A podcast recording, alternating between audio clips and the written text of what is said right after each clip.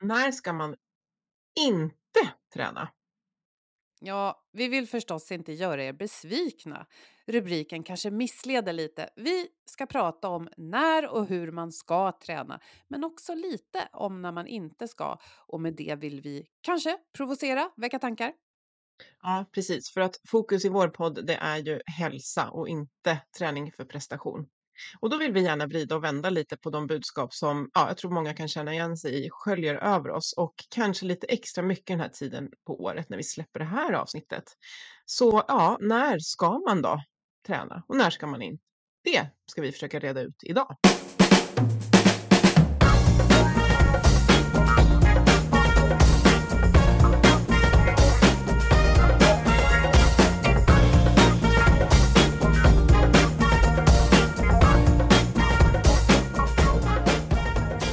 Och det tänker vi göra i vår podd Health for Wealth där vi i ja, snart åtta år har poddat om hälsa på jobbet. Eftersom människor som mår bra kan prestera bra. Mm. Och för att må bra behöver vi goda samarbeten, rätt resurser, handlingsutrymme och trygga ledare som har tid att leda. Och i podden har vi hittills och kommer fortsätta ta ett helhetsgrepp på det här med hälsan på jobbet. Och vi är Ann-Sofie Forsmark, hälsostrateg, ledarskapskonsult och jag driver organisationen Oxigroup. Och Boel Stier som jobbar med kommunikation och marknadsföring. Varje vecka delar vi inspiration, idéer och tips för ett bättre och mer hållbart arbetsliv. För dig som är chef, ledare, för dig som jobbar med HR och för alla er medarbetare såklart. Ja, det här ska bli jätteroligt att prata om, men jag vill börja med att fråga vad är, vad är ditt förhållande till ja, styrketräning, Boel? Ja, men så härligt att få frågan. Eh, för styrketräning har funnits med mig sedan, jag vet inte, 18-årsåldern och det är liksom en, det är en trygg bas att falla tillbaka på. Älskar att lyfta tungt, blir kanske inte alltid så jättemycket bättre, har inte några jättestora prestationsbehov, men det är kul och när jag skippar det, då känner jag i ländryggen att den ropar till mig Boel, du måste styrketräna. Så är det. Vad härligt. att du skulle säga, jag har hållit på med sedan 1800-talet. Tänkte jäklar, Ja. Det är du. Men du, jag tänker så här, du är ju inte, du är ju unik på alla sätt, men jag tänker att du också ibland, nu fick du ju det här budskapet från din ländrygg om du skippar din träning, men, men äh, finns det inte dagar när du bara, nej men jag, nej, jag vill inte? Ja, om jag är sjuk och sådär. Mm. Du menar att jag kanske inte alltid ja. vill? Ja, Exakt. Mm. jag, vet, jag tänker inte så mycket på det. Jag gör bara. Nej. Men, men du har ett annat förhållande till styrketräning? Ja, men ja, det har jag. Jag har ju bakgrund, jag har ju jobbat som PT, i, inte jätte, alltså inte, ja, jo det är väl många år, men eh, ja, nej, jag tycker ju att det är betydligt roligare att vara i skogen och springa och måste jobba jättemycket mentalt. Men jag försöker att vara i det där som du beskriver, att jag tänker inte så mycket, jag gör det bara. Det ska, jag vill inte jämföra med tandborstning, men det behöver göras och jag får också ett väldigt starkt positivt kvitto på när jag gör det och får också ett negativt kvitto på när jag inte gör det. Så jag tror att du och jag kanske har hittat liksom ett förhållningssätt, men idag hoppas vi ju att eh, inspirera många där ute som kanske inte har det och, och, som vi vill hjälpa att hitta eh, ett sunt eh, förhållningssätt till det.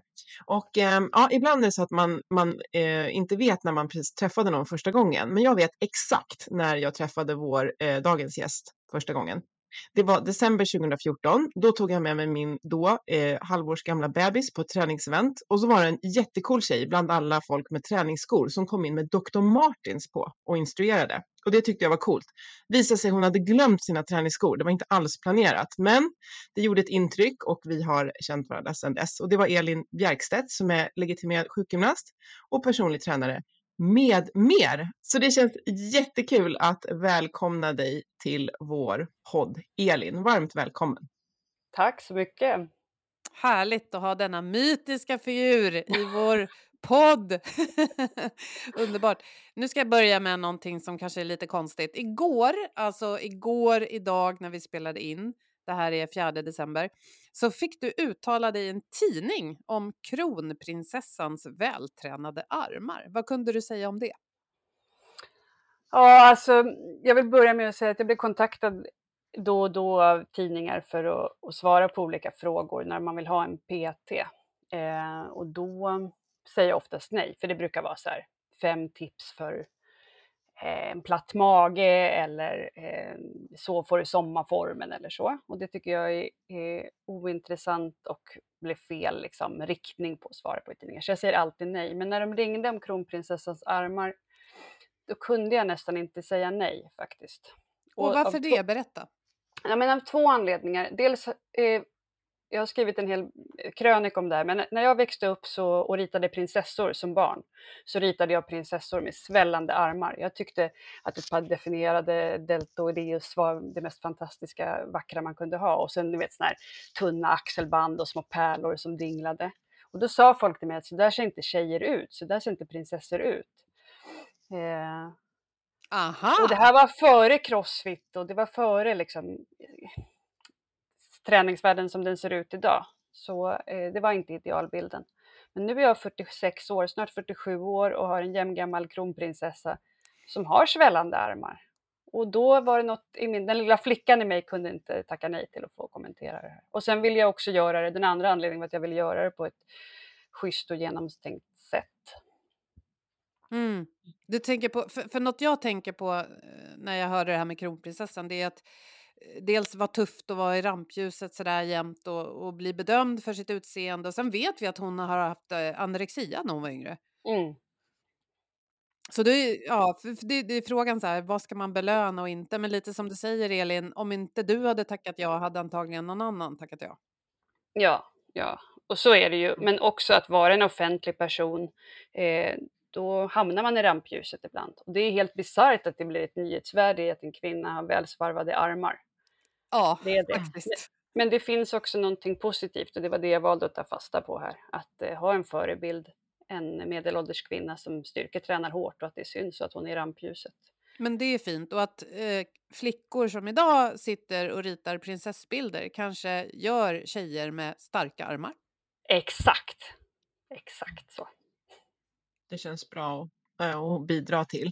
Och vi vill ju prata om, eh, vi vill ju prata om, om hälsa idag. Jag bara stannar vid den här distinktionen som jag, eh, du får och sen får du eh, utmana den eller hålla med. Men just att eh, vi behöver eh, röra på oss, vi behöver motionera, vi behöver eh, styrketräna för hälsan. Det är med i Världshälsoorganisationens rekommendationer. Eh, vi vill gärna göra skillnad på att träna för prestation, att liksom uppnå, lyfta tyngre och tyngre, eh, ja, att uppnå någon typ av resultat som ofta har en siffra liksom kopplat till sig. Eh, det i sig kan ju vara, om jag är jättesvag och klarar av att lyfta tyngre och tyngre, kan ju det också ha med hälsa att göra. Men målet jag siktar mot är ju någonting annat än att träna för för prestation. Och som sagt, i de här riktlinjerna från eh, Världshälsoorganisationen så, så finns det med muskelstärkande övningar och det står att man ska göra dem två dagar i veckan. Och vad, vad är det egentligen man vill att vi ska göra och varför?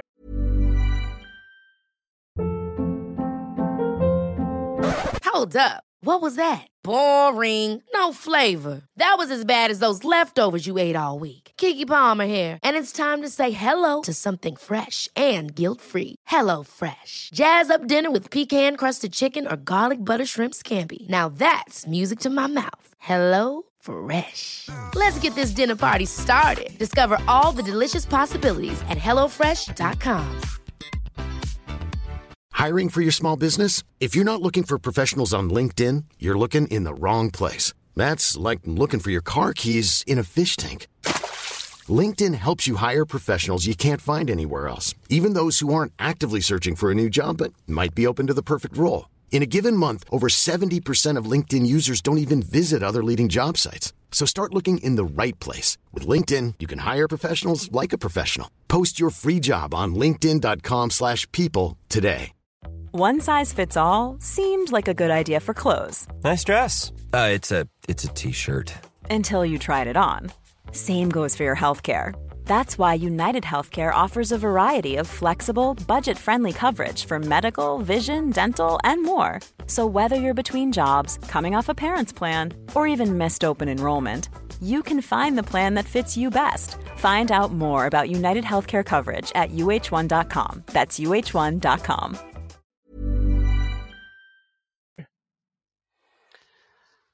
Ja, alltså det, de här rekommendationerna är ju på, de är ju på en global nivå får man ju tänka. Det är ju jätteviktigt att utgå ifrån det för det första. Och jag tycker egentligen i grunden att de är väldigt eh, bra om man eh, applicerar dem på en befolkning som är ganska stillasittande. Eh, den muskelstärkande aktiviteten, det som blir problem med liksom rekommendationer som går ut till en hel population, det är ju att det individuella försvinner. Och eh, styrketräningen måste ju kopplas till där man befinner sig i livet. Men grunden är väl att eh, både för barn och för vuxna och, sen, eh, och pensionärer så handlar det om att ägna sig åt muskelstärkande aktivitet två gånger i veckan och då ska man få med alla stora muskelgrupper. Så det kan ju vara allt från kroppsviktsträning, alltså att göra några armhävningar och extra knäböj, eh, till att ha extern vikt och belasta med extern vikt. Så det beror ju på vem du är. Kan, kan, det vara. Elin, kan det vara Elin att jag går mycket i trappor här hemma och bär tvättkorgar? Är det också muskelstärkande? Nej, det skulle jag säga mer var bryta stillasittandet, som också är en av de rekommendationerna som finns med. Okej. Eh, mm. Mm. Men vad, vad finns det för stora missförstånd där ute? Jag tänker så här. Eh, I någon mån behöver kroppen styrketräning, det kan vi väl säga. Alltså man Mm. brukar säga att skelettet ska belastas eller något sånt där. Ehm, och, då kan vi tänka att du har precis nämnt två sorters styrketräning. Eh, Med kroppsvikt, alltså att man inte går till ett gym eller håller tunga saker i händerna. Eh, Eller att man går till ett gym och håller tunga saker i händerna. Eller någon kombination. Och alla gör ju inte det där. Liksom, är man kör då eller? Hjälp oss att spräcka lite myter här. Nej, men alltså jag vet inte vad det är för myt jag ska spräcka. Vi behöver styrketräna. Det är ju så. Okej då. det, det, behöver vi och jag tror att eh, det är snarare myterna om vad styrketräning är som vi kan diskutera Ja, eh, i så fall. och vad, vad skulle du vilja säga där då? Ja, men jag är ju personlig tränare i själ och hjärta eh, och då är det individuellt så att vi måste ha en exempelperson för att kunna prata om det här. Alltså är det, pratar vi om en 35-åring som arbetar på kontor eller en 74-årig pensionär eller pratar vi om ett barn, en ungdom i en utvecklingsfas? Ja, men låt oss ta då. Jag skulle gissa, fast vi inte riktigt vet, att vår lyssnare är ja, runt 40 och jobbar med HR. Det är ett kontorsarbete och eh, arbetet i sig är ganska stillasittande. Mm. Eh, hen åker bil till och från jobbet och har ganska fullt i vardagen med barn som är i, ja, säg så här, 7, 8, 10. Mm. Och det finns inte jättemycket utrymme att träna, men hen vill. Just, men vi, vi kan börja med det här som Annie var inne på i början, alltså skillnaden mellan träning och motion eller fysisk aktivitet, för det tycker jag är jätteviktigt och det är inbyggt i språket. På svenska pratar vi om träning och då säger jag så här, jag ska gå och träna och det kan vara allt från att jag går på ett stavgångspass till att jag går och tränar tyngdlyftning, tungt inför tävling. Båda de sakerna är träning. På engelska pratar man mer om training och eh, fitness eller training och exercise. På svenska har vi begreppet motion, men det är så fruktansvärt osexigt. Det är ingen Ja. som säger så här eh, hashtag motion på sina sociala medier. Jag skulle så gärna vilja att motion blev, var sexigt i sig. Alltså det här att träna utan prestation, att röra sig. Så, och jag säger ofta träna slarvigt därför att det är mitt jobb också att jobba med prestationsinriktad träning och jag tänker ofta på träning på det viset. Men, men jag, skulle, eh, jag ska bli bättre och jag kämpar för att använda motion mer som ett liksom, bärande begrepp. Du vill ta tillbaka motion. Make motion cool again är liksom eh, mitt slogan. Ja, men vad härligt. Och vad är då motion jämfört med träning? Mm, då är träning någonting som man har ett specifikt mål och en planering inför det målet. Så säg ett lopp om man är löpare eller en eh, styrkelyftstävling när du ska dra ett visst antal kilo i, i knäböj och marklyft och bänkpress och sådär. Och då har du en plan för det som sträcker sig kanske över flera år om du är på elitnivå och sen modifierar man den planen, man utvärderar och man ser till att det finns en ständig progression, det vill säga ständig ökning av vikter eller saker eh, eller stressorer i din träning och som du ska hantera. Medan motion, det är det vi gör när vi går och tränar på eh, gymmet på en gruppträningsklass två gånger i veckan för att hålla oss eh, friska, för att få den här eh, impacten på lederna som vi vill ha för att stärka vårt skelett som du pratade om Boel. Och det är någonting annat, det är någonting som inte behöver mätas annat än i välmående och hur man mår i sitt övriga liv efter. Men det är det som är så problematiskt för att i ett liv ingår det så många faktorer så vi vet ju inte alltid, kan inte alltid härleda våra, eh, vårt mående till träningen just. Det är ju andra saker som påverkar. Mm. Om du har bråkat med din man, hur dina barn mår, dina föråldrade föräldrar. Alltså det är så många delar. Eller om jag skottade väldigt mycket snö igår och har ont i ryggen på grund av det. Precis, precis. Jag kanske tappade bort mig i frågan. Nej, men jag tycker det var tydligt att träning är egentligen, om vi ska använda ordets verkliga betydelse, det är, det är mer idrottsligt. Alltså som att när Mm. man sportar, tävlar och pressar sig och når ett, vill nå ett mål. Ja, Eh, man kanske till och med kan säga att man misslyckas med sin träning i vissa fall, när man inte Absolut. presterar. Medan motion, det är till för att hålla den här grundnivån uppe och där har man lyckats så länge man kom iväg till passet precis, precis. Samtidigt är det ju så att det finns ju jättemycket mer motionslopp av olika slag nu för tiden än det gjorde för bara 10-15 år sedan. Alltså under min eh, karriär så har det här ändrats otroligt. Så många mer motionärer utsätter sig för tävlingslika situationer. Och det är allt från att eh, fler springer maraton eller vanliga millopp och eh, nu den här Hyrox som är en slags eh, styrketräningsformat på arena som har blivit jättepoppis. Alla de här OCR-loppen när man klättrar och springer i lera och så. Och det är ju inte bara negativt, det är ju jättehärligt att det finns någonting att liksom träna inför, men det kan också öka pressen på motionen, att liksom den här skalan blir glidande mellan vad som är friskvård och faktisk prestation. Det ser jag väldigt mycket. Ja, Men jag har en kompis som för ganska länge sedan började hålla på med triathlon och jag såg hur, hur kul det var för henne. Ehm, men jag vet också när jag har gått runt på stan med henne och hon, vi träffar, hon träffar på folk som hon känner som hon kanske inte har sett på länge. Då säger väldigt många så här, hej, ja, jag ser ju i sociala medier och du håller på med triathlon. Alltså, ja, jag borde ju också träna. Jag borde också. Alltså, det bara kommer en massa dåligt samvete istället för att det här, vad kul att du har hittat något som du tycker är kul. Så, så du säger det att ribban höjs när väldigt många börjar köra de här hetsgrejerna. Det här är så spännande för man ser ju på under pandemin så blev pandemin fungerade som en katalysator på när man mätte rörelse eh, också på global nivå. Världshälsoorganisationen gjorde ju det därför att det är så viktigt att vi rör oss. Man uppgraderade ju råden för ehm, Mm. eh, hela eh, ja, Världshälsoorganisationen uppgraderade råden om fysisk aktivitet under pandemin. Och det som hände var ju att de som redan var igång och träna började ju träna mer. Och det handlade inte bara om de som hade möjligheten att jobba hemma. Alltså, där var det ju så självklart att om man redan var en tränande människa och du jobbade hemma, då kunde du lämna ungarna på dagis och dra en runda i skogen och så gå hem och jobba. Eller ta en förlängd lunchrast. Eller du slapp eh, pendlingen på eftermiddagen så du hann träna då, lägga in ett träningspass. Medan de som var fysiskt inaktiva eh, rörde sig liksom, beställde hem mat och rörde sig mellan arbetsplatsen, vardagsrummet och Blev köket ännu mer stillasittande. blev ännu mer stillasittande. Men även de som var Mm. tvungna att jobba på plats, alltså sjukvårdspersonal, eh, eh, butikspersonal och sådana, fick ju mer tid därför att samhället saktade ju ner. Man har ju nästan glömt hur det var, men det var ju inte, man gick ju inte på bio, det var inga middagar och så, så att man kunde liksom odla sina intressen. Så det var som en katalysator på en trend som redan har pågått under lång tid. Och en av de sakerna som jag ser som en faktor till de förändringarna är eh, liksom utarmningen av föreningslivet. Där vi förr kanske var engagerade i vår lokalförening, man orienterade med sina kompisar och det var inte så stor ribba in i. Liksom. Eller man gick på sån eh, gruppgympa i, i ortens skola tillsammans med sina kompisar. Och så. Eh, så det i kombination med professionaliseringen av idrott har liksom dragit det här ännu mer. Den sociala delen har på ett sätt för många människor försvunnit ur träningen tror jag. För om du tränar triathlon då kanske du känner så här, ja men simningen ligger jag efter i. Det är bäst att jag tar en specialiserad simcoach. Alltså du börjar bete dig som en elitidrottare och så har du din simcoach och då tar man ju inte med polaren till Och det, badhuset. det uppstår en marknad också.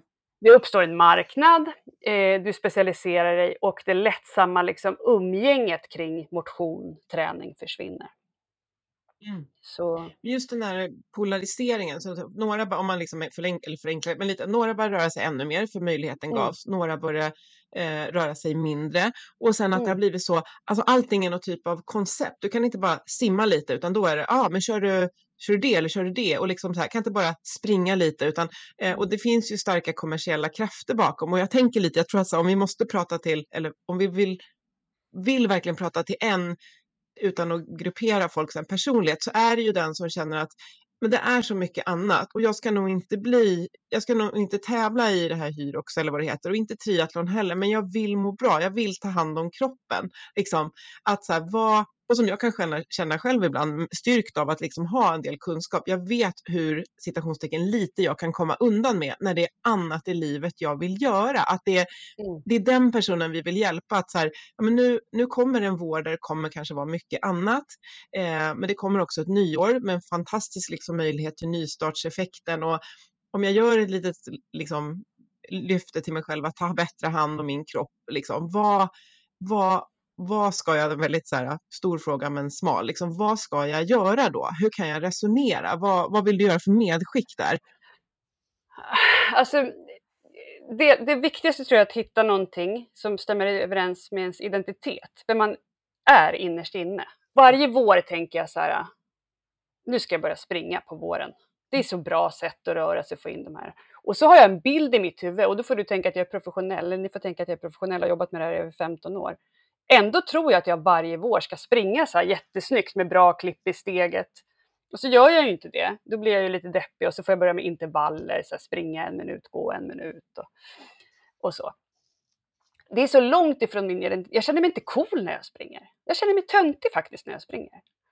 Eh, och då om man är en sån person och kan ta reda på det, då kan man hoppa över de bitarna och så lägger man sin energi där man känner att det här rimmar med min identitet. Man behöver inte vara boxare, men man kan tycka boxare är tuffa och så går man till ett boxningsgym och provar på en nybörjarklass. Eller... Mm. Så det är liksom grunden. Om man ska göra en livsstilsförändring så försök inte bli någon annan, utan var den du är, men förläng det med någonting nytt. Mm. Ja, men vad intressant. Och vad man gör behöver kanske inte spela så stor roll så länge man gör någonting. Ja, där känner jag att det kan bli krångligt. Jag, jag blir bara yr i mössan av alla de här råden. Jag fattar att det är bra att Världshälsoorganisationen har dem. Men mm. det, det, blir så här 90 eh, minuter av det här och, eh, och så blir det, jaha, nu har du gått till gymmet, jättebra, men du har ju glömt att konditionsträna. Exakt, exakt. Mm. Alltså egentligen tänker jag att alla skulle gå på cirkelträning två gånger i veckan. Ja, ah, för då får man lite av varje då får du lite av allt. Då har du liksom bränt av högintensiv träning som du vill ha då, enligt råden, 75 minuter i veckan. Och du har bränt av eh, styrketräningen på en gång. Mm. Och så här är det ju att mm. ju färre träningstillfällen du har i veckan eller ju mer stillasittande du är, desto hårdare måste du träna när du väl gör det. Och det här blir ju ett problem om man Eh, inte har en bra eh, hälsosam botten att stå på. Alltså man kan ju inte ta i så mycket om man inte har en viss erfarenhet, varken neurologiskt eller muskulärt. Eh, så då kan man behöva där kan man behöva hjälp. Det är en av de få, jag jobbar ju och försörjer mig som personlig tränare och fysioterapeut, men det är en av de få gångerna jag kan tycka att man kan behöva ha hjälp av en personlig tränare egentligen. När alltså, man ska komma igång? Ja, när man ska eh, pröva att jobba på en högre, en högre intensitet ja. än man mm. eh, är van vid. För att många tycker att det är Exakt. obehagligt och läskigt. Och speciellt tror jag i den här gruppen som, som du nämnde Boel, 40-45 barn, åldrade föräldrar, senior på jobbet. Alltså att ta i i träning, det är en slags skill. Det är en skill precis som att lära sig en rörelsemönster eller så. Och det är ganska otäckt om man inte har gjort det. Och det kan öka pulsen på ett sätt som man inte är van vid och kopplar ihop med stress eller med ångest. Mm. Och där kan det vara jättebra att få guidning så man kan skilja liksom på vad som är vad. Mm. Just det. Det, ja. det är jätteskillnad att vara liksom en man som haft erfarenhet av sport och idrott hela livet och sen kanske tappat bort det några år och sen komma tillbaka. Man har en erfarenhetsbank av hur det känns på alla möjliga plan, alltså mentalt, neurologiskt, muskulärt. Mm. mm. Och jag tänker att jag vill verkligen komma tillbaka till det där du sa, alltså ut, jag tolkar det lite så här, utgå från vem du är, för det tänker jag väldigt mycket kring när det också bjuder motstånd, när man tänker att för att jag ska få till min styrketräning behöver jag ha ett gymkort. Eh, och sen så se, vilket jag tycker är jätteinspirerande, jag ser de här liksom eh, ganska avancerade styrkeövningarna, för det finns ju hur många varianter som helst. Och så tänker jag det är det här jag behöver göra. Där blir det ju ett jättestort gap. Medan eh, om jag tänker att så här, men jag är ju en person som umgås med människor hela dagarna och kanske då den här personen vi har valt eh, också har små människor hemma som jag också umgås med. Tro fasen att jag kanske inte är så sugen på att gå in på ett gym med speglar och massa andra människor för att få till min styrketräning. Jag kanske behöver få vara helt för mig själv, få till den här cirkelträningen ensam med min, liksom, no, lyssna på slager eller vad sjutton det är. Alltså så här, att verkligen fundera på att det finns lika många sätt att få till det här som vi är människor. Vi behöver inte stöpa oss i en liksom, form som vi, blir, vi får budskap kring hela tiden. Jag tänker den känns så himla viktig. Jag håller med dig om det Annie på alla sätt, men jag tror att eh, från att gå från noll till att börja styrketräna hemma själv är steget ganska stort. Och vi vet Absolut. också eh, vi vet också att den sociala aspekten är jätteviktig för träningen om den ska bli hållbar över tid. Det, finns, det här tjänar man ju pengar på i branschen, så det här behöver man veta. Vi vet att om du har ett gymkort och om receptionisten säger hej och ditt namn så ökar din frekvens. Mm. Om någon annan inne på gymmet dessutom säger hej och vet Mm. ditt namn så ökar din frekvens ännu mer. Om det är så i, nära med folk där inne så att någon till och med tar på dig, klappar dig på axeln, då ökar din träningsfrekvens ännu mer och du håller i längre över tid. Så det här betyder ju att vi är socialt drivna varelser. Och jag tror att eh, jag gör ju massa hemmaträningsprogram till folk hela dagarna, men det är på, i sociala sammanhang och miljöer som eh, den faktiska utvecklingen över tid sker. Det är där man lyckas hålla i. Sen finns det ju alltid sådana som dig, Annie, som är bra på att träna på egen hand, men du har också en väldigt stor egen kunskapsbas. Mm. Ja, det går inte att jämföra. Men jag tänker då, eh, apropå, för, för då uppstår ju, för jag, jag håller eh, liksom, alltså, eller jag kan ju inte gå emot dig när du säger det, men jag, jag vet ju det, liksom, men jag tänker också att om man känner, för, för just att det uppstår väldigt mycket ledtider, kallar jag det för, för att, alltså kontra att jag gör någonting hemma, eh, där jag liksom kanske tittar på en video eller någonting, kontra att jag ska ta mig iväg till någonting som ligger en bit bort och byta om, även om det, för många är det ju en otroligt stark gemenskap att få vara där och det, det fyller liksom det är lika mycket hälsa som att man lyfter en vikt och blir bra liksom, muskulärt. Men att, hur, hur kan man då, om man, för det är ändå, kan man få till det här sociala då, eh, hur funkar det liksom digitalt? För det har ju också, fanns innan pandemin, men verkligen accelererade ju när många fick verkligen ställa om fysiska klasser till, till digitalt. Kan det vara, kan man få hjälp där då om man är på noll? Det kan man absolut få. Eh, men jag tror att man måste ha ett så väldigt starkt inre driv. Alltså jag önskar också att det var så att de flesta kunde träna hemma med en digital coach eller motionera hemma och få det och känna sig Mm. tillfredsställda. Men det verkar inte fungera så bra tyvärr. Alltså det, jag tror att våran bransch stora utmaning är ju alltså hälso och friskvårdsbranschen. Det handlar ju om att skapa olika rum, olika miljöer, olika typer av eh, ta vid faktiskt där föreningslivet har failat, olika typer av sammanhang. Eh, en rekommendation jag har till människor som vill komma igång nu på det nya året är att kolla i sin lokala Facebookgrupp, alltså söka i sitt närområde, för det finns massa smågäng som tränar ihop med kettlebells. Jag jobbar ihop med en fantastisk liten klubb som heter Viljans kettlebellklubb. Det är liksom 20 personer och 20 kettlebells i telefonplan. Och de har en. Facebookgrupp. Och det finns massa sådana här eh, små lokala grupper som kan vara ett alternativ till det där att ha ett gymkort att gå och byta om. Det är lättare kanske att, att ta cykeln och cykla 10 minuter och träffa ett par kompisar i skogen. Liksom. Mm. Också om det stämmer överens med ens identitet. det finns jättemånga sådana. Mm, men jag gillar att du bjuder verkligen in till möjligheter som är olika. Um, här, blir det ju, här blir det ju något mycket bredare än att det är gymkort, det är de här passen. Mm. Precis, jag tänker att både du och jag, Ann-Sofie, som är vana att träna, eh, liksom sedan decennier har det som en del i våra liv, då är det ju lätt, precis som du pekar på Elin, att tänka så här, herregud, jag kan väl köra ett yogapass hemma eller jag kan väl springa ut i skogen lite grann. Eh, men man behöver lägga en grund och, och där handlar det nog om att hitta ett sammanhang. Men sen behöver inte det sammanhanget väl vara dyrt, långt bort och krångligt. För jag tänker, förutom det du sa Elin, hitta något som hänger ihop med vem du är och vill vara. Så för mig har det alltid i alla fall varit en stor hjälp att tänka att det ska vara så nära och så lätt som möjligt. Mm. Jag håller med om det. Och jag menar, där har vi som stockholmare eh, en fördel. Alltså det är mer komprimerat och det finns fler alternativ. Eh, bor man på en mindre ort så kanske man är mer utlämnad till det som faktiskt finns och sådär. Mm.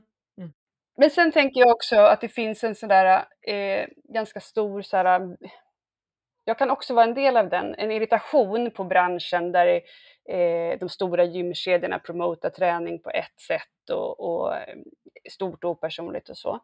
Men jag är inte så säker på att det är så. Alltså om man går in på sin lokala, sitt lokala gym och sin lokala klubb och ser vem som jobbar där och vad som finns där, eh, så finns det massa passion för att människor ska vara friska och må bra. Och ibland handlar det om vår egen blick på oss själva snarare än vad som faktiskt erbjuds. Jag brukar tänka att träningslivet är liksom bara som en metafor för det övriga livet. Och ibland får man ta bort sin osäkerhet och, och våga gå och vara nybörjare någonstans och kanske upptäcka att det var inte så farligt. Alltså man, kan, man kan ta det lite lekfullt. Jag provar en vecka.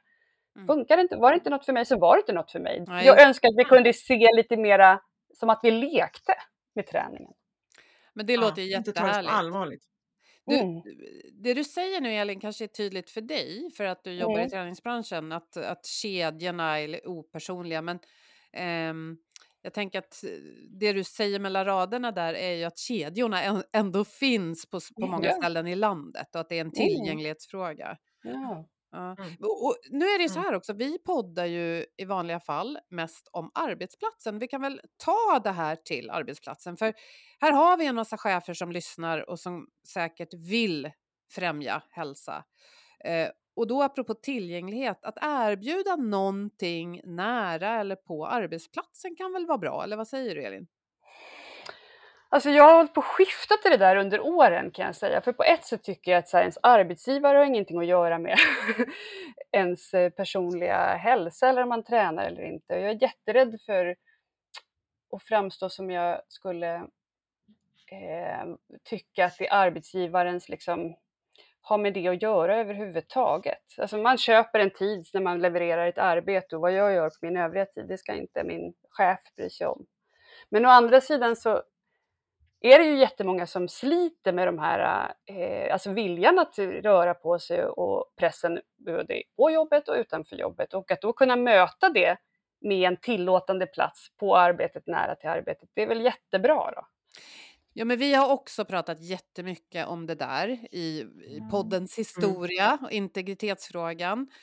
Vi är, skulle jag säga, både idag och för liksom instinktivt emot eh, tvång att eh, träna på arbetstid och såna här saker. Mm. Men däremot att ha någon typ av gymutrymme nära eller till och med ha ett företagsgym eller att ha en stund på dagen när någon leder ett litet gummibandspass i fem minuter som man inte måste vara med på. Är inte sånt bra?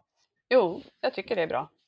Jag tycker det är bra. Jag tycker det är bra också att ha typ hälsoinspirationsdagar på arbetsplatsen när man visar att vi står för det här. Men sen handlar det jättemycket om, det här vet ju ni bättre än mig, men om att leda. Alltså om en ledningsgrupp eller chefer promotar att vi ska träna och röra oss, då måste man också göra det själv eh, på ett lustfyllt och schysst sätt. Så Så det gör det blir en del av kulturen, tänker. Det är en kulturfråga jättemycket. Och då är det kanske inte den allra bästa lösningen att den manliga chefen som pris, precis har börjat med triathlon är den som håller i det. Nej, då ska man ta in externa tycker jag också för att lyfta det från den här prestations och jämförande hetsen. Det kanske till och med är bra om man som chef känner sig själv lite som en nybörjare. Mm, det tror jag. Det blir ju en kultur av att här provar vi liksom lekfullt fram och det, det är tillåtet. Ja. Och, ja, precis. Och, jag tänker där också att det blir eh, att budskapet är att så här, vi är måna om och eh, vi vill uppmuntra dig till att ta hand om dig. Vi tycker det är viktigt att du tar hand om dig och också tänka, där kan man ju passa på att väcka liksom reflektion kring, ja men vad är det jag behöver för att må bra? För jag tänker att när man gör den reflektionen och gör den ordentligt så brukar ju de flesta landa i att ja, men jag vill att min kropp ska hålla. Jag vill orka med min vardag och jag vill orka med den även om liksom 40, 40 år. Ehm, Så jag tänker att så här, ibland så kan jag känna att även om man inte eh, ska tvinga folk till att träna så tänker jag så här, vi vet att, som du säger, det, det som du sa, att myten är inte så här, vi behöver inte träna. Myten är, vi behöver eh, ta hand om kroppen. Vi eh, har olika liksom, svagheter och utmaningar och behov som vi liksom behöver tillgodose för att hålla. Min styrketräning kommer se annorlunda ut än din Elin, för vi är olika och även från Boels och även från mina kollegors. Men att det ska vi kunna prata till. Hur får vi till det här? Jag längtar efter att kunna mer ställa den frågan, liksom att ja, men hur får du till din, även till så nära vänner, hur får du till din styrketräning? För det är liksom inte en fråga om att inte få till den. Och sen ska vi ju som liksom, ja, vi som kan och vill ska ju hjälpa till och göra det så att det känns enkelt att få till, absolut. Men det är inte så här, nej jag styrketränar inte. Men det behöver man liksom. Och, och då vill jag plocka göra. upp bollen, fast jag ser att Elin ser sugen på att plocka upp bollen. Du får göra det först. Nej men jag tänker att um, problemet är liksom lite, att få till det är en sak, men det som är om vi tittar på råden nu, och de är ju ganska högt uppgraderade under pandemin. De är svåra att få till. Alltså det är en timmes eh, pulssökande aktivitet om dagen, fem dagar i veckan vi pratar om. Eller eh, 75 minuters högintensiv, alltså en timme och en kvarts högintensiv träning i veckan, riktigt högintensiv då. Eh, även om man får till det så är man ju inte klar där, för det är återhämtningen som vi behöver. Mm. Och det är ju det som mm. ofta hindrar, det som hindrar en från att gå och träna, det som hindrar mig från att gå och träna, det är ju inte så här om jag har lust att göra det här passet eller inte, för jag har nästan alltid lust att träna. Det är, nu för tiden är det så. Men det som får mig att välja bort det är ju att jag vet så här, men jag kommer inte kunna hinna det, för då hinner inte jag komma ner i varv och då blir min sömn påverkad. Eh, och det är ju mm. de där sakerna som är så otroligt viktiga och det, det är därför arbetsplatsen bara kan göra en del av det här, eller? Det kan man fundera på. Men vi kan skapa liksom mm. möjligheter att träna, men det som behövs är sen återhämtningen. Mm. Och det är där vi lider brist på, det är där mm. resursbrist liksom. Men, men det, det, det är perfekt brygga till vad jag ville säga, för vi ja. utlovade lite provokation i vår ja. rubrik. Vi sa det, när ska man inte träna? Så vad är, det, vad är mm. ditt svar på den frågan, Elin? Alltså självklart så här, när man är förkyld och sjuk och så, och där är ju bara en liten grupp. Det är, är eh, om vi raljerar, triathlon mellan chefen som kanske gör sitt pass ändå, för det stod i kalendern. Så det är ju nummer ett, träna inte om du är sjuk. Men sen har jag en kundgrupp som jag möter otroligt mycket och som är eh, framförallt kvinnor, en del män också, men framförallt kvinnor i seniora positioner på jobbet med tonårsbarn och åldrande föräldrar som faktiskt är otroligt pressade. Också pressade kanske eh, för klimakteriesyndrom symptom, symptom som eh, eh, börjar liksom svaja runt i kroppen. Det är en otrolig press och då händer det att man inte reagerar på träningen så som en personlig tränare får lära sig på en utbildning. Det vill säga, du stressar kroppen och du återhämtar dig och du blir starkare. Träningslära 1A. Det blir liksom rubbat därför att pressen är för mm. stor. Och eh, många av de här kvinnorna har kanske haft ett fungerande tränings och motionsliv under en lång period, men sen blir det som en, en punkt där det har gått för långt och eh, återhämtning, alltså effekterna rent hormoniellt blir inte de samma längre. Och där mm alltså i väldigt stressade eh, perioder i livet så ökar ju, alltså träningen är ju en stress, det må vara en positiv stress, men det är en stress som läggs till. Och där mm. måste man se över sitt tränande och hur man eh, förhåller sig till det tycker jag. Kan det vara mm. då att man ställer så höga krav på sig att man vill köra hårt med träningen men man får aldrig vila och då får man ingen effekt? Är det det du säger? Eh, ja och nej. Alltså grund förutsättningarna för att eh, träna, återhämta sig och bli starkare har liksom ändrats. Eller det går ju perioder över, i livet. Som tonåringar är vi väldigt så här, vi kanske får eh, sängen bäddad, maten serverad, vi drar på träning. Det är klart vi kan träna hårt. Och sen har vi en period med, med småbarn där man lever ett väldigt aktivt liv och eh, det fungerar på ett sätt. Och sen kommer man till en punkt där de andra livsstilsfaktorerna eh, tar en så stor del av kakan så att det inte längre fungerar på samma sätt. Och då har man ju bilden av sig själv kvar, eh, hur det var innan det här. Det kan ju vara en sån sak som att ens mamma bryter höften som gör att liksom, det har ju ingenting med ens lilla egna familjeliv att göra, men det är det som puttar över kanten och gör att eh, stressen blir för hög helt enkelt. Ska man pausa träningen då eller ska man bara anpassa den? Nej, men man kan...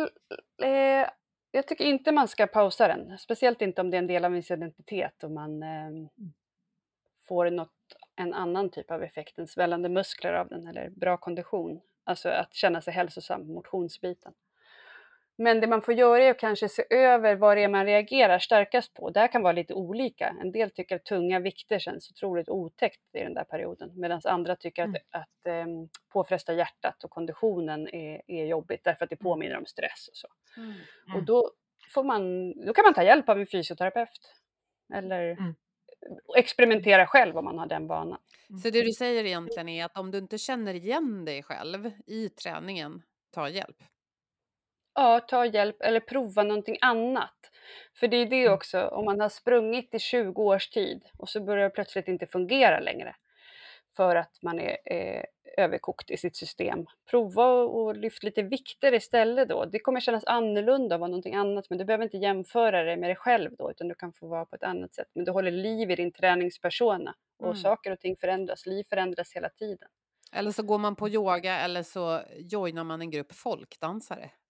Ja, jag, jag tycker, ja precis. Yoga får ju alla höra att de ska göra när de är stressade, men det är jättemånga som det inte fungerar så bra för heller, för att man aktiverar kanske nervsystemet eh, för mycket och kraschar istället. Så att man kan behöva lite rådgivning. där. Mm. Ja men Man kan, jag tänker ibland att eh, många också just det här att men just den här dagen då kanske det är så här, där var det svin, alltså min stress har varit här uppe, nu pekar jag på min hals. Eh, men jag kanske har varit mestadels stilla eh, under dagen och den typen av stress och sen har jag ett jättetufft inplanerat träningspass. Just den dagen kanske det är läge att så här, jag skippar det och tar en lugn promenad istället. Det problemet är att många av de här har ju en personlighet där man då känner som att nu, nu är jag misslyckad när jag inte får till det. Men sen på sikt, då måste ju liksom målet vara att men jag älskar ju min träning och jag måste se till att ha utrymme för den och den återhämtningen som den liksom kräver. Men jag kan också tänka det här att ibland så är det ju så att att man känner att Nej, men det har varit för mycket idag, jag kan inte gå och träna. Men just det här mindshiftet som sker, jag går fullt in i kroppen, jag är fullt i min kropp, blir en typ av återhämtning från stressen. Men det är en fin balans, för vissa dagar är ju systemet, hinken är full, liksom. den är full och jag behöver en lugn promenad snarare än eh, att gå och träna. Men på sikt, liksom, hur ska jag skapa ett liv där det finns utrymme att gå iväg och göra det här som får mig att må bra, ofta både i stunden och på sikt. Liksom. Men det där är så svårt för att ibland kan ju också ett, eh, en sån dag, ett rejält träningspass, blåsa ut det och få det liksom balanserat. Det är så olika, så jag tänker att man ska jag avskyr där folk säger att man ska lyssna på kroppen, för det är så svårt. och jag försöker verkligen inte att säga det heller, men man kan väl ta fysiska signaler på allvar. Känner du dig Ja. yrslig? Känner du dig lite illamående? Eh, Ja. Har du lågt blodtryck när du reser upp? Alltså då kanske den dagen att man gör någonting annat och lite lugnare istället. Mm. Men ibland kan man också gå och prova hur det kändes att faktiskt röra på sig. Och så här, ja, det kändes inte bra, jag hade ingen energi. Då bryter jag och går hem. Bara man säger till sin Mm. instruktör, det har inte med dig att göra. För det är så hemskt när folk bara lämnar mitt i. Intressant att få höra från din, instruktör. på ditt perspektiv också. Det är klart. Tack Elin för att du har hjälpt oss få syn på det här med träning. Det är ju svårt för att eh, svårt och kul därför att det alltid är väldigt individuellt, precis som det gäller egentligen all hälsa. Vi kan Mm. säga vissa saker statistiskt på, på det man kallar för aggregerad nivå. Alla behöver styrketräna, alla behöver röra på sig, men exakt hur man gör det beror väldigt mycket på. Ja, och jag tänker du sa ändå så här, men du sa det här med cirkelträning. Och jag tänker att det, det känns som att om man stoppar in rätt typ av övningar där så kan det inte bli helt fel. Det går att göra hemma, vissa av oss som har den drivkraften, men det finns också väldigt mycket, alltså jag vågar påstå att det finns extremt mycket cirkelträning att tillgå. Och jag satt, när du sa det här med att, liksom det här med att kolla i din lokala Facebookgrupp, så tittade jag ut genom fönstret och tänkte att ja, i vår lägenhet i vår lägenhet bor det fyra personer, men i vårt hus bor det väldigt många personer och huset mitt emot. Och alla de har liksom inte exakt samma behov som jag, men vi skulle alla behöva styrketräna och alla om vi lägger ihop har säkert lite grejer hemma. Tänk att få ut, hörni, är det någon mer än jag som inte får till det här? Eh, tisdag klockan sju nere liksom på innergården. Du kan ju ta med kidsen till och med. Jag tar med mig min kettlebell alltså här tänker jag att vi kan göra ett slag för den sociala hälsan också, att lära känna dina grannar. När, barnen, när mina pojkar var små och spelade fotboll, då eh, tog jag med mig kettlebellen och körde liksom styrketräning vid sidan av planen, för jag tyckte det var för tråkigt att bara stå där och titta. Och hälften av mammorna tyckte jag var ett geni och hälften tyckte jag var fullständigt galen och förstörde deras lugna tillvaro. Så orkar man vara, vågar man vara lite bråkig så kan man eh, tänka så Ja. också. Ja, men Tråkigt verkligen. omtänksam. Och jag hade ett jobb tidigare där vi under hela pandemin hade en kvarts möte varje morgon digitalt. Och fem av de minuterna körde min kollega och ibland jag, när jag stöttade för henne om hon var borta, lite gummibandsövningar. Superenkelt. Mm. Och jag vet på nya jobbet har jag smugit in ett gummiband på kontoret. Jag tänker så man får liksom föra in såna enkla saker man kan göra också. Ja. Mm. Nudging, Mm. mikrovanor, det är bra. Exakt. Finns det någonting, för vi, vi är ju inga enkla quick fixes i den här podden och det är inte du heller. Så att, men finns det någonting du vill skicka med? För när vi släpper det här så är det det här brytet mot det nya, nya 2024 som kommer och det är ändå många som har tankar och önskningar kring just det här med sin, sin fysiska hälsa bland annat. Ja, men jag tror på det där med att många små vanor blir eh, livsstilsförändringar, inte en stor verkligen. Så att inte underskatta de små sakerna. Och sen tycker jag om tanken på att lägga till och inte ta bort saker. Mm. Jag lägger till massa goda grönsaker, jag lägger till rörelse och eh, lägger till umgänge där jag behöver det. Och sen kan man, det som inte är bra för en, det faller bort så småningom. Men försök inte ändra allt på en gång. Ja, men det tycker jag lät härligt. Det är så tråkigt Mm. Det här med nyår. Jag ska sluta med det här. Jag ska sluta. Späk, Mm. späk, späk. Vad kan jag lägga till som får mig att må bra? Det är mycket roligare. Mm. Tränga ut det dåliga. Det, här, det var ett väldigt bra tips till våra eh, rent arbetsplatser också och organisationer kan jag säga. Det gäller där också. Ja, tusen tack Elin för att du var med och delade tankar och klokskap med oss och våra lyssnare. Mm, Tusen jätte- tack för att jag fick komma. Tack, jättekul. Eh, jag märker att vi har pratat lite extra mycket i munnen på varandra. Det har säkert att göra med att ni två känner varandra sedan tidigare. Härligt tycker jag. En utmaning för Ayat som ska klippa. Tack Ayat för att du producerar och klipper åt oss. Tack Elin för att du kom idag och tack till alla er som lyssnar. Ni vet ju sedan tidigare att vi gärna diskuterar med er på LinkedIn. Kommentera på våra inlägg och berätta vad du tänker. Så ja, vi hörs om en vecka igen. Ta hand om er. Må så gott! Hej då! Gott Hej då. nytt år! Hej då!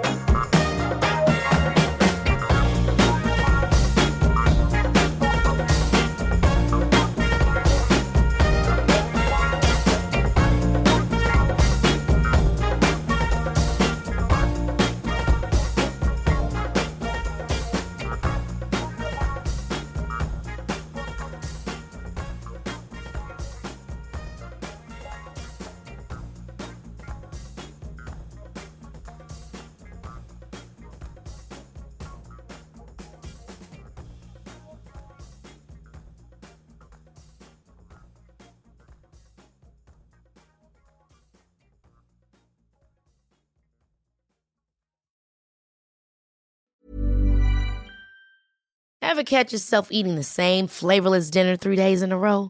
Dreaming of something better? Well, HelloFresh is your guilt free dream come true, baby. It's me, Gigi Palmer.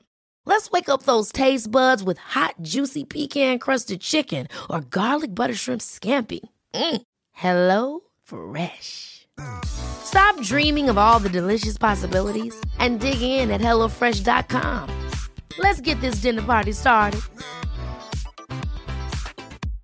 Imagine the softest sheets you've ever felt. Now imagine them getting even softer over time. That's what you'll feel with Bowl and Branch's organic cotton sheets. In a recent customer survey, 96% replied that Bowl and Branch sheets get softer with every wash. Start getting your best night's sleep in these sheets that get softer and softer for years to come. Try their sheets with a 30-night guarantee. Plus, get 15% off your first order at bowlandbranch.com. Code BUTTERY. Exclusions apply. See site for details. Even when we're on a budget, we still deserve nice things. Quince is a place to scoop up stunning high-end goods for 50 to 80% less than similar brands. They have buttery soft cashmere sweaters starting at $50, luxurious Italian leather bags, and so much more. Plus, Quince only works with factories that use safe, ethical, and responsible manufacturing. Get the high-end goods you'll love without the high price tag with Quince. Go to quince.com/style for free shipping and 365-day returns.